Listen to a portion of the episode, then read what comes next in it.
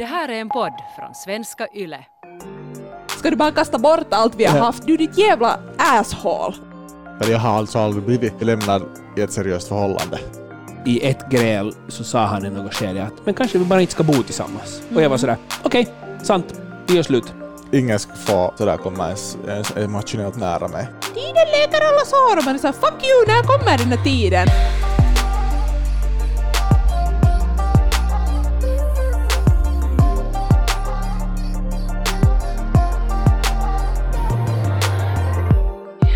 Hur länge sedan ni senast har gjort slut? Jag gjorde senast slut faktiskt för nästan prick ett år sedan. På alla hjärtans dag 2019. Vilket svin! Oj. Nej, jag vet inte. Gjorde du slut då? Jag gjorde slut. Okej. Jag, jag tänkte inte att det var alla hjärtans dag och det skulle ändå ha blivit samma slutsats så därför hade det inte så stor skillnad. Ja, dag som dag tänker jag. Ja. Nå, ja, i och för sig. Ja. Och för sig. Jag har inte gjort slut på tio år, tänkte jag säga, men jag, sa, jag har sagt faktiskt en gång under mitt nuvarande förhållande, sagt att jag tror att jag vill göra slut. Och sen var vi ifrån varandra ett, en kväll och sen fortsatte vi som förut. Jag var bara som mentalt slut i huvudet. Men, Okej. det, men annars är det länge sedan jag har gjort slut. Ja, okej. Men ni har, senast som ni har gjort slut så har, har ni alltså gjort slut? Eh, Ja. Att ni senast. har gjort beslutet? Senast, ja. Ja. För jag skulle vilja prata lite om det här att bli lämnad. Alltså att den andra gör slut. Mm. Jag har tidigare varit i situationer där jag har gjort slut två gånger. Och jag vill säga att det är tusen gånger lättare att ta det där beslutet. Eller i alla fall har jag sett det så. Jag tycker att då när jag gjorde uh, slut i ett långt förhållande så sa folk bara så att okej, att, att, att vitsi, var, vitsi var modigt då det inte fanns liksom någon riktigt sådär stor orsak, utan det bara blev sådär att jag kände att okej, att det här är inte något att hänga i julgranen mera.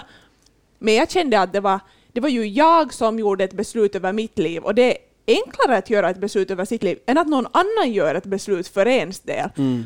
Att nu här för ungefär ett år sedan, det är inte riktigt ett år sedan, men snart, så nu var det ju liksom smack i face och på ens, tog på ens ego att den andra sen sa att hej, att, att nu vill jag liksom göra saker för mig själv. Mm. Jag tycker inte om att vara utan den där kontrollen. Nej, det är sant. Det är ju alla situationer. Så vill man gärna ha den där eller jag i alla fall som människa, att gärna ha kontroll över, över eh, mitt eget liv. Ja, Och man, man känner ju sig på något sätt sådär, jag börjar tänka att uh, just någon sån här kompisrelationer till exempel, jag har alltså aldrig blivit, aldrig blivit lämnad i ett seriöst förhållande. Uh, nog efter sådana att man har träffats någon tid och sen därifrån har det kommit fram att, nej, vi, vi ska inte ses efter. Mm. Men sådär kompisförhållanden där någon har sagt att, att nej, jag tror inte att det är jätteklokt att vi är vänner på det sättet. oj. Så är det nog sådär, nu är det ju sådär, vad ska man, hur, man, man kan ju inte ta det på ett sätt positivt för man har inte själv fått göra det beslutet. Jag har en gång varit i ett förhållande, det var kanske sex månader, och träffades vi. Eh, hela tiden träffades så- så mycket som, som bara gick. Och sen fick han en studieplats i Sverige.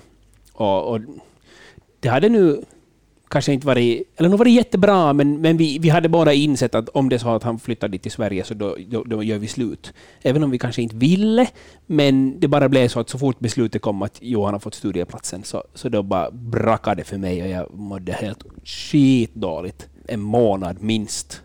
För jag sen kom över det. Nej, på ett sätt så var det ju också en sån grej som var utanför din kontroll. Mm. Att inte ville du att det skulle bli så att han flyttade till Sverige och då var det liksom, då blev det, stu, var det studieplats. Ja. Då blev det studieplatsen framför dig, Så hans absolut. liv framför dig. Och det är ju nog, alltså även om eh, så här nu lite efteråt som kanske du också kan säga att okej, det blev bra i alla fall, och som jag också kan säga nu att, att nu håller det på att bli bra i alla fall. Och det är bra i alla fall fast vi gjorde slut och fast mitt ex då bestämde att, att eh, han behöver göra liksom grejer för sig själv. Men i stunden så nu är det ju jätte liksom svårt att ta det att okej att vet du, ingen frågar min åsikt här i den här frågan Nej. utan det är någon som bara liksom bestämmer hur ditt liv ska bli och så får du ta emot. Alltså även om jag förstod helt till 100 procent, eller vi, vi förstod med mitt ex att, att varför vi var här och liksom vad han behövde eh, den stunden och jag tyckte att det var en helt bra grej. Så nu blev jag ju ändå både liksom jätte, jätte ledsen och kanske den värsta känslan, helt super, super bitter. Mm. Att vara att jag och, och hela den här fantastiska människan, ska du bara kasta bort allt vi har haft nu? Du, du ditt jävla asshole. Ja. Liksom att jag hade sådana stunder. Jag kommer ihåg jag satt i Yles infraröda bastu och var sådär Satan helvete, och så skrev jag några arga meddelanden åt honom. Och så var jag sådär, varför gör jag ens det här? Att, vad, liksom, vad får jag ut av det här? Men det var liksom bara så jag kände. Mm. Ja, liksom spännande situation för att jag har ju gjort slut tidigare, tidigare gånger och nu innan vi gjorde slut så jag hade en feeling av att jag vet ju hur det är att göra slut. Att jag har gjort slut ett par gånger eh, av då mitt beslut och jag vet hur det känns. Men jag säger bara, efter det här så vet jag att man vet inte en enda gång hur det ska kännas. Att det kan vara hur enkelt som helst och hur pissigt som helst. Och nu så här, och kring påsk gjorde vi slut förra, förra året. Så liksom att jag kan gå, jag går omkring ännu och liksom sådär ältar den grejen och funderar ibland att, att är det vettigt eller inte. Men var det, en, var det en situation där du visste på något vis att, att det kommer eventuellt att ta slut? För att jag har i de skedena som jag har varit i förhållanden så har jag på något vis känt på mig att det här funkar inte och det här kommer inte att vara och det här kommer inte att, att fortsätta så här, men vi fortsätter nu ändå just nu. Eh, men i något skede kommer det att ta slut. Så har det varit för mig och då har det varit på något vis lättare. Då kanske jag egentligen har stannat för länge i vissa förhållanden för att jag har behövt en utomstående faktor, någon annan, som, som gör att jag sen lämnar dem. Men där, ja, att man resetar en lite den här mindseten, Mm. att man börjar redan tänka okej, att snart kommer det, man kan försöka ha det helt bra, men det kommer ändå, att nu är det början på slutet. Ja. Var det alltså en sån känsla, eller var det helt sådär in i en vägg? Nej, inte var det inne i en vägg, att nu var det ju liksom saker som hade, hade ändrats i vårt förhållande, som, som liksom vi hade snackat om. Men även om jag hade lite så här förberett mig, så nu var det ändå sådär, sen när det händer så är det ju rikt, liksom på riktigt. Och det tar en stund före man liksom ens kan, kan greppa det. Mm. Jag hade tidigare en sambo som, som jag bodde tillsammans med. Då, och eh, vi bråkade en hel del, helt sådana onödiga grejer. Vet ni? Alltså när man båda stressar, båda har för mycket att göra, sover för lite, så man bråkar om en massa små grejer. Och i ett gräl så sa han i något skede att men kanske vi bara inte ska bo tillsammans. Och, och, ni vet, så det är lite som man säger när man grälar ibland. Och jag var sådär, okej, sant, vi gör slut. Och det var en helt enorm blow åt honom, alltså för att han hade aldrig någonsin tänkt att det skulle kunna hända. Ba- Bara av att han säger så. Och det var, en, det var en situation där jag på något vis hade känt kanske en längre tid att, att det här funkar inte, det här kommer inte att, att hålla i längden, vi, det måste ta slut. Men den där ögonblicket fanns inte. Det fanns inte den där alla hjärtans dag som du hade Mattias, att, att göra slut. Och sen- så var det bara det som behövdes, att, att han sa men kanske vi inte ska bo tillsammans. Och han menar egentligen bara att kanske vi ska fortsätta vara tillsammans, men vi ska inte bo i samma lägenhet. För att mycket av problemen, eller mycket av det som vi bråkar om handlar om ekonomi, om eh, hyran, om eh, vem ska föra ut soporna, varför diskar du aldrig? Ni sånt som man alltid bråkar om. Och jag vet ju det att det där förhållandet skulle ha tagit slut oavsett i ett annat skede. Eh, Kanske på ett annat vis, på ett bättre vis, för jag vet att han mådde jättedåligt över det där jättelänge.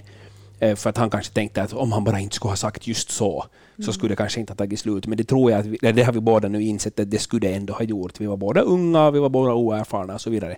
Men det har en jättestor betydelse hur man gör slut.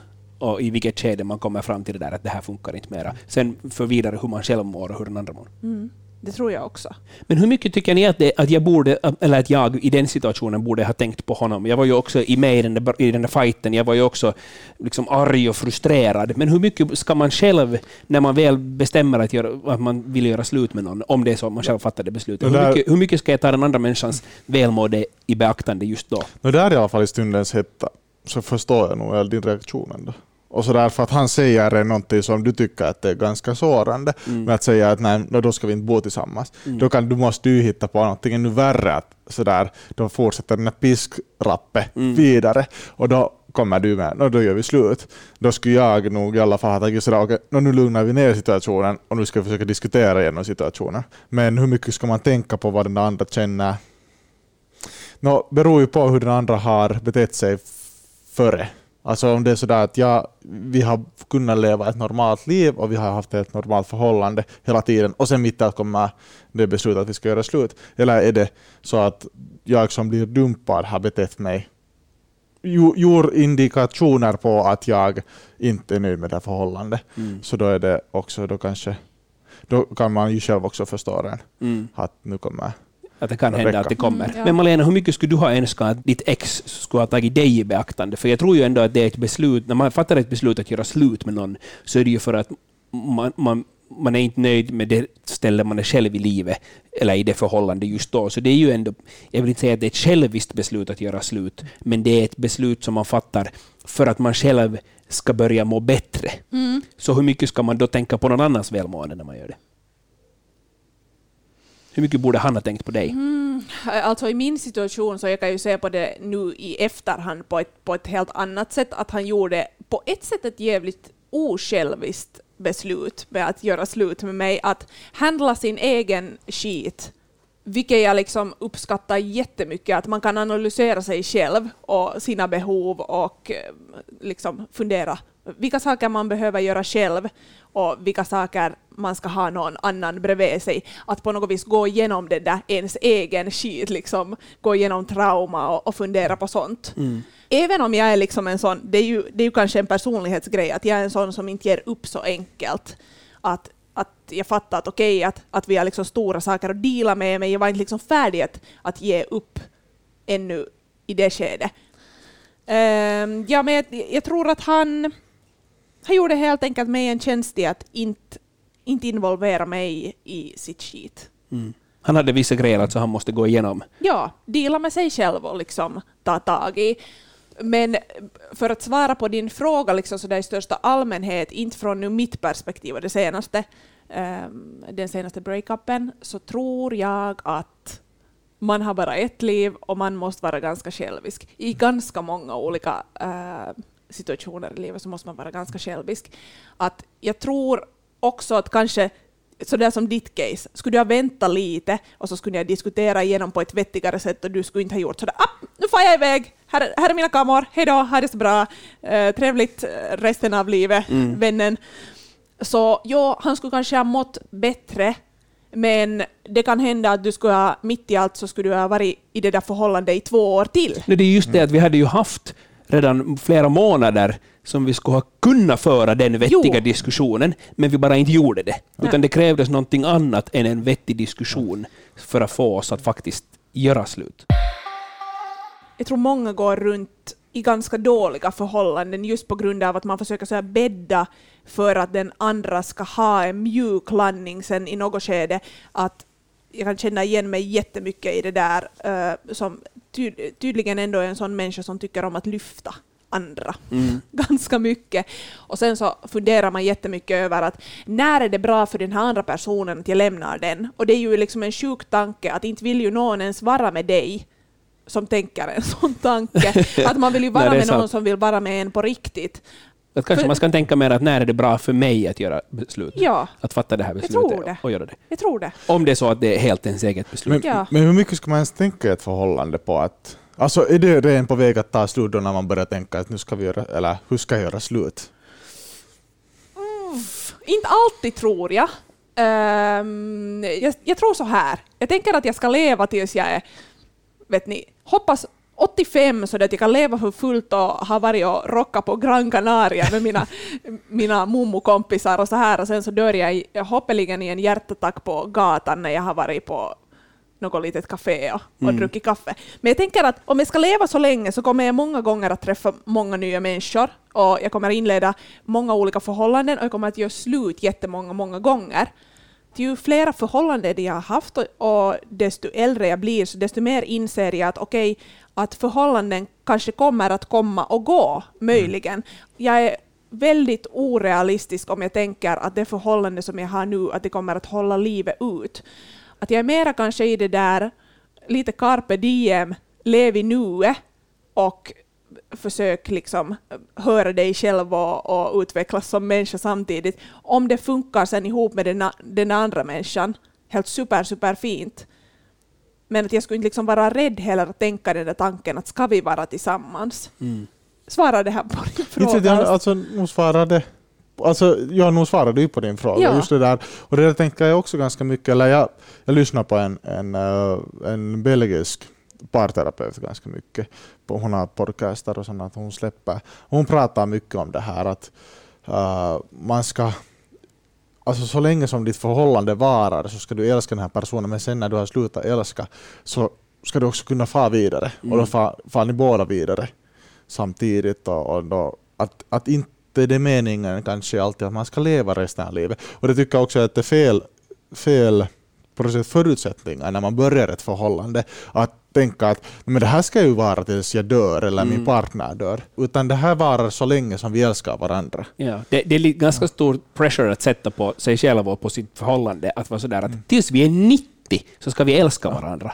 Att därför är det kanske bättre just det här som du sa Malena också, mm. att carpe diem, att så länge det känns bra nu så känns det bra. Men sen vill jag ändå säga att, att jag skulle ju, nu skulle det ju vara enkelt uh, så det är i största allmänhet om eller alltid om man, om man börjar ruta in sitt liv lite mera, så, så tror jag att det skulle bli enklare. Det blir enklare också om man tänker, tänker mindre på saker och liksom, inte vet jag, snävar till allt. Så det är att om man skulle träffa någon och känna sådär att jag ska vara tillsammans med den här tills jag då är 85 och dör i den där hjärtattacken efter min fika med, med mina mummukaverin, så då ska det ju vara liksom enklare. Då lär du känna denna människan. Hoppeligen så är det en människa som du ändå synkar med sådär en längre tid, men du lär känna den och ni har ett sådant liksom, eh, en förståelse från båda sidorna att okej, okay, vi jobbar för det här. Det kommer dåliga perioder, det kommer bra perioder, men att det blir liksom sådär eh, jag tror att det skulle vara jätte, jätteskönt att jobba så. Jag har ju haft ett jättelångt förhållande från när jag var 17 till 26. Mm nästan. Liksom den, den stunden så trodde jag ju nog att vi skulle vara tillsammans alltid. Men du har den ena människan som du koncentrerar dig på och du har inte en tanke om att ni ska gå skilda vägar. Så det gör det ju nog, det skulle göra det jätte, jätte enkelt men jumalauta livet är nog inte enkelt ändå. No, men okej, vi har kommit fram nu till att troligen så kommer vi att hålla på med någon sorts av så seriemonogami kanske här under våra liv, att vi kommer att ha flera förhållanden efter varandra, lite singelpauser här emellan. Usch vad det är äckligt att tänka på det, men att, att det kommer att komma många gånger. Men ni vet, livet. Men om vi nu koncentrerar oss på den här liksom stunden när man, när man har gjort slut eller då blivit lämnad. Så jag tänkte att vi skulle kunna prata om en sån här liten eh, modell. Den heter Kübler-Ross-modellen. Kan vi säga så här? Det kan vi säga. Kübler-Ross. Eh, eller sorgens fem faser. För nu är det ju liksom, när man gör slut, speciellt har du, har du bott med någon eller varit med någon tillräckligt nära tillräckligt länge och en stor del av någon annans liv, så kan det ibland lite kännas som att den här människan på ett sätt dör för att den försvinner så totalt från ditt uh, liv. Och den här Kübler-Ross-modellen är alltså en sån här fempunktsmodell som egentligen handlar om en rad känslor som uppkommer när någon får besked om att vara döende. Okay. Så det, men den här tillämpas i många olika sammanhang. Ja, är det den här med att först är man arg och sen är man ledsen och sen är man... Vad är det? Precis. Okay. Men jag tycker att den passar jättebra på det här att liksom vad som händer i, i ens huvud när man har gjort slut mm. och liksom är bara allmänt ledsen. Man behöver ju inte alltid vara heller ledsen när man har gjort slut. Det kan ju vara också sådär yeah, party, jo, life! Må många har ju sådana break-up parties ja. eller, eller skilsmässofest. Ja, men jag har inte haft sånt nu under det här året. Det har inte känts som en fest okay. ännu. Det kanske kommer. Mm. Det börjar med förnekelse. Just det. Känner ni igen er i förnekelsen? Som sagt, jag har alltid gjort slut. Ja, så jag har ju inte måste vara i en förnekelsefas. Mm. Nej, det här är nu ja, inte slut. Den här listan handlar kanske jättemycket om just att ofrivilligt hamna ut för någonting som man inte vill, som blir liksom en sådär ja. större sorg. Men, men, du tänker, men du tänker jag också på något vis att, att just den här som vi var inne på, att har, vi har haft två månader på oss att föra den här vettiga diskussionen om att ska vi göra slut, men vi har inte gjort det. Att det är den där förnekelsefasen. Att vi kanske. på något vis mår dåligt, vi vet vart det är på väg, men, men låtsas som ingenting och fortsätter, för att det blir ju nog bra. Ja. På något vis. Det är sant. Det kan ju vara förnekelsefasen. Ja. Efter att man har gått igenom förnekelsefasen, som då nu är lite kanske sådär, jag, jag, tror att det lite handlar om att man är lite upp och ner helt enkelt, att man kanske inte vill riktigt tro att det är sant. Mm. Sen blir man arg. Och jag tänkte i alla fall, det blir lite sådär klassiskt att varför, ska jag, varför måste jag vara här i den här skiten igen? Och sådär, just den allmänna bitterheten. När du satt där i bastun och skrev de där arga Ja. meddelandena. Det är din ilska. Ja, besvikelse och, och ilska och bitterhet. Att, Och, och kanske sån här tomhet sådär att man är sådär, men man försökte ju allting, varför funkar det här inte? Jepp. Mm. Och, och sådär, det är ju också en sorts ilska, sån här perkele. Man inte förstår. Att här har jag slängt bort två Ja. år av mitt liv och så gör du så här mot mig. Precis så. Och det var ungefär det som stod i de där meddelanden. Efter äh, äh, ilskan så kommer förhandlingen. Ja, ena, dagen, ena dagen eller ena sekunden är man sådär men det där var nog bra, att inte Moddy är ju ändå så bra i det där förhållandet att, att nu ska det nog bli så jäkla kul. Jag saknar honom, det är jättejobbigt men, men, men det är ju fredag idag, det kommer ju bli jätte, jätte, Jätteroligt. jätteroligt. Men på lördagar brukar vi ju sova så länge Jag orkar tillsammans. inte här. Men å andra sidan, söndagar var ju jättejobbiga för att då får Jag man är ju iväg- där! Det är ju bara lite roligt att jag är där i försoningsfasen, Men- men- ibland ännu. Men hur har ni, har ni haft sådana här jojo-förhållanden? Det är in och ut, in och ut hela tiden. Så är man sådär, nu, nu, nu, ska jag, nu är vi inte i ett förhållande och sen två veckor senare så är vi så satans lyckliga. Fan, det är nog kiva nu igen och sen två veckor igen. För alla dina kompisar bara sådär, vad håller du på med? Nej, jag har, nog, jag har nog inte varit det. Jag kanske har varit mera i det att, att eh, först göra slut, ingen kontakt, sen träffas och ha sex, för att det var ändå helt bara sex. Eh, men ändå att man har på något vis insett att, att det där förhållandet kommer inte, vi kommer inte att flytta in tillsammans mera eller något sånt, men att man ändå har träffats för den där närhetens skull. Om det räknas som jojo. Jag vet Jag har nog varit i båda jojorna jag här. och det är helt reve. Ja. Det är helt jag, tror inte att det, jag tror inte att det hjälper en att komma Nej. över den där människan Nej, överhuvudtaget. nej.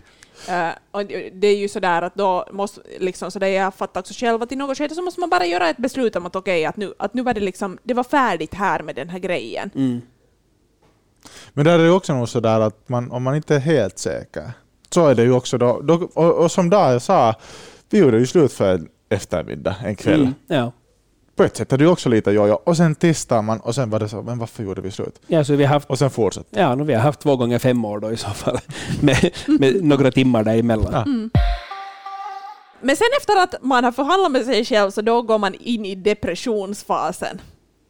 Jag kan känna igen mig i det, att visst så, så kom det liksom, kommer det ju en sån här fas där man liksom på riktigt inser att vi gjorde slut och inte vet jag, här, här ligger jag på min lilla madrass bland med mina flyttgrejer inne i den här alkoven här rakt bakom mig. Solen stiger upp där vid fönstret och bländar mig via tavlan som jag hängt upp på väggen. Och så är jag sådär! Ja. Och allt, allting är dåligt och det kommer aldrig att bli bra igen. Ja. Jag kommer aldrig att hitta någon Ja, och jag kommer alltid att vara ensam. Och, ja, Ja. Nå, kanske inte det. Ingen tycker om Ja, det. igen, Ja, jag är igen inte så- för att din fantastiska skapelse, hur skulle någon kunna motstå det? Är du inne där igen? Jo, Så, så du grät mest det är så synd om honom när inte han får vara med mig mera. nej, det, sånt var jag ju bara arg Ja, varför sant. han inte fattar. Ja. Men ehm, ja, nej, i grund och botten, jag tror det handlar också jättemycket om, om persongrej, men att jag är ju kanske, så djupt har jag inte ändå varit, fast den här låter nu brutal, den här listan som, som jag räknar upp här, men så djupt har jag nog aldrig varit, att på något vis så vet man ju alltid eller jag vet att allting, allting ordnar sig. Allt ordnar nog sig. Jag har det ganska liksom, en trygg grund i mig själv och i nära människor liksom runt mig och liksom vad jag gör i livet. Det är kanske mer så här stundvis, det kommer en sån här peak. Någon, Ja. lite, någon lite pickar till en och sen tror man att man dör. Det som är spännande med den här depressionsfasen är att, och, och kanske också för att jag hade en jättelång förnekelsefas, jag var tillsammans med en i två år och vi bodde tillsammans, den här, den här sambon som jag pratade om, uh, gjorde slut och ganska snabbt gick jag vidare till följande. Ja, och sen med den människan var vi tillsammans i ett halvår ungefär. Och när det tog slut, så då slog den här depressionen mig. Då kom all, all den här obehandlade känslorna som jag hade från mitt första förhållande, då hoppade jag in i steg fyra i depressionsfasen från det första förhållandet. Att du tog ett litet plåster däremellan för att inte behöva känna dig så deprimerad och liksom må skit. Ja, det var halvt år av förnekelse tror jag. Och jag insåg det sen efter att ha varit ledsen en stund att, att, Att det var något större att det var större, att det var mera än det förhållande.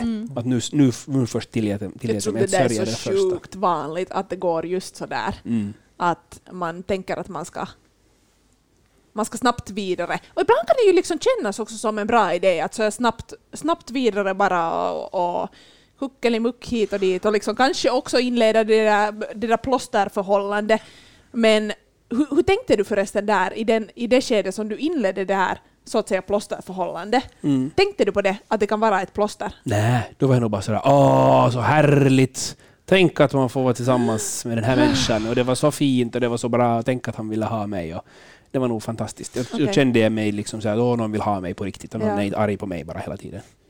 Men är ni sådana personer som när ni kommer ut från ett förhållande så vill ni direkt komma in i ett nytt? Nå, som du märker nu så nej. Ett år är inte så jättelångt. Eh, nej, men jag, jag, tror inte, jag tror att det är jätteolika. Senast liksom, förra gången så jag var singel så då hade, inte hade jag nu tänkt det heller, men att jag hade nog ett, lite sådär på något vis som Dan gjorde, Mm. eh, att jag träffar jättemycket folk och då när man träffar jättemycket folk så nu är det ju liksom en större chans att bli kär också. Men inte hade jag liksom en tanke om att jag ville ha ett förhållande, men det bara blev så. Hörde du? Tidigare nog jag så att ganska hastigt vidare och, och, och nya, nya äventyr. För, ja. Jag, jag hade alltså, alltså jag har haft alltid när jag kommit ut ur förhållande så har jag varit så att nej inte i helvete tänker jag ha något förhållande nu. Alltså jag har varit helt sådär att ingen, ingen ska få på något sätt sådär komma ens, ens emotionellt på ett sätt nära mig. Mm. Och då är jag helt sådär, pff, nu orkar jag inte med det här skitet, nu tar jag, får vara mig själv och bara jag. Men sen träffade jag nog min nuvarande partner ganska tidigt, men tog det nog länge före vi båda kunde bestämma att "Nå, nu ska vi börja sällskapa. Mm. Ja, det var nog en svår process, för, för, i alla fall för mig, eh, att vara sådär, vågar jag ännu komma in i ett förhållande på nytt? Jag tror att det där är nog jätteofta att, liksom att man kan gå i de tankarna att en människa, en random människa, jag ska satsa jättemycket på den här människan, liksom i tid och i, i känslor och i förstående och kompromisser. Ja, nu är det ju en ganska stor grej Mm, att mm. inleda ett förhållande, tänker jag också. Att inte undra på att du har lite funderat, ska du eller ska du inte? Jag tycker det är en bra sak att man har funderat. Eller, alltså, eller sådär, det, var, det var jätteskönt att det fort, fick ta tid. Mm. Ja, det var inte bråttom. Vi hade inte bråttom någon där någonstans. Utan det fick bara visa, alltså att vägen mer visa vart man får. För det sista steget är väl från alla filmer så vet man ju att det finally I'm in the acceptance phase. Att nu har jag Yes. godkänt det här. Och Acceptansen. sen just det där att man kan träffas på gatan och sen bara Ja, ger man en kram och hur går det nu? Och Mm. bara, mm. Så är det. Oj, jag väntar så jättemycket på det. Men är det just det, man måste, man måste vara helt borta från den där människan före man kommer in i den där acceptansen? är det Nej, liksom det tror blocka jag helt inte. och hållet? Det tror jag inte. Jag, jag tror att man kan eh, liksom acceptera... Att acceptansfasen kan nog också vara det att, att, att man lite går in för det att okej, att det blev så här eh, och eh, kanske så att det kommer att bli bra och det kommer ibland att gå tillbaka till depressionsfasen, ibland kanske till ilskan. Jag tror att man redan då är lite i acceptansfasen. Att det, när man fattar att okej, det är helt fine så här. Mm. Bra acceptansen, den far ganska mycket in i allt annat också.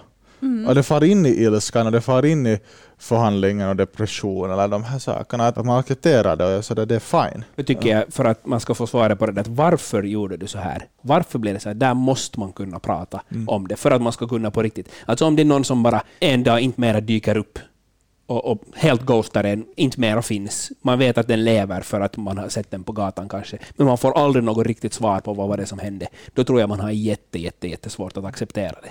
Men jag, tror, jag tror nog att det finns sådana situationer där det händer ändå liksom just den där grejen. Mm. Det behöver ju inte vara just att, att någon ghostar en och aldrig syns till mera, men att det kan vara olika saker och olika frågor som blir obesvarade för all jävla framtid. Att Då tror jag nog att det blir liksom att det tar super, super länge förrän man kommer över den grejen. För om man kommer till acceptansen Ja. i det. Jag tror att man stannar kvar i de andra faserna mycket längre. Så är det. Så är det, så tror jag också. Jag kan säga ännu det att, att annars sådär allmänt så kan man ju tänka sådär att en breakup, att det är ju bara ett allmänt sådär mega stresstillstånd. Mm. Men det går om. Med de här det. faserna. Ja. Och det går alltid först neråt.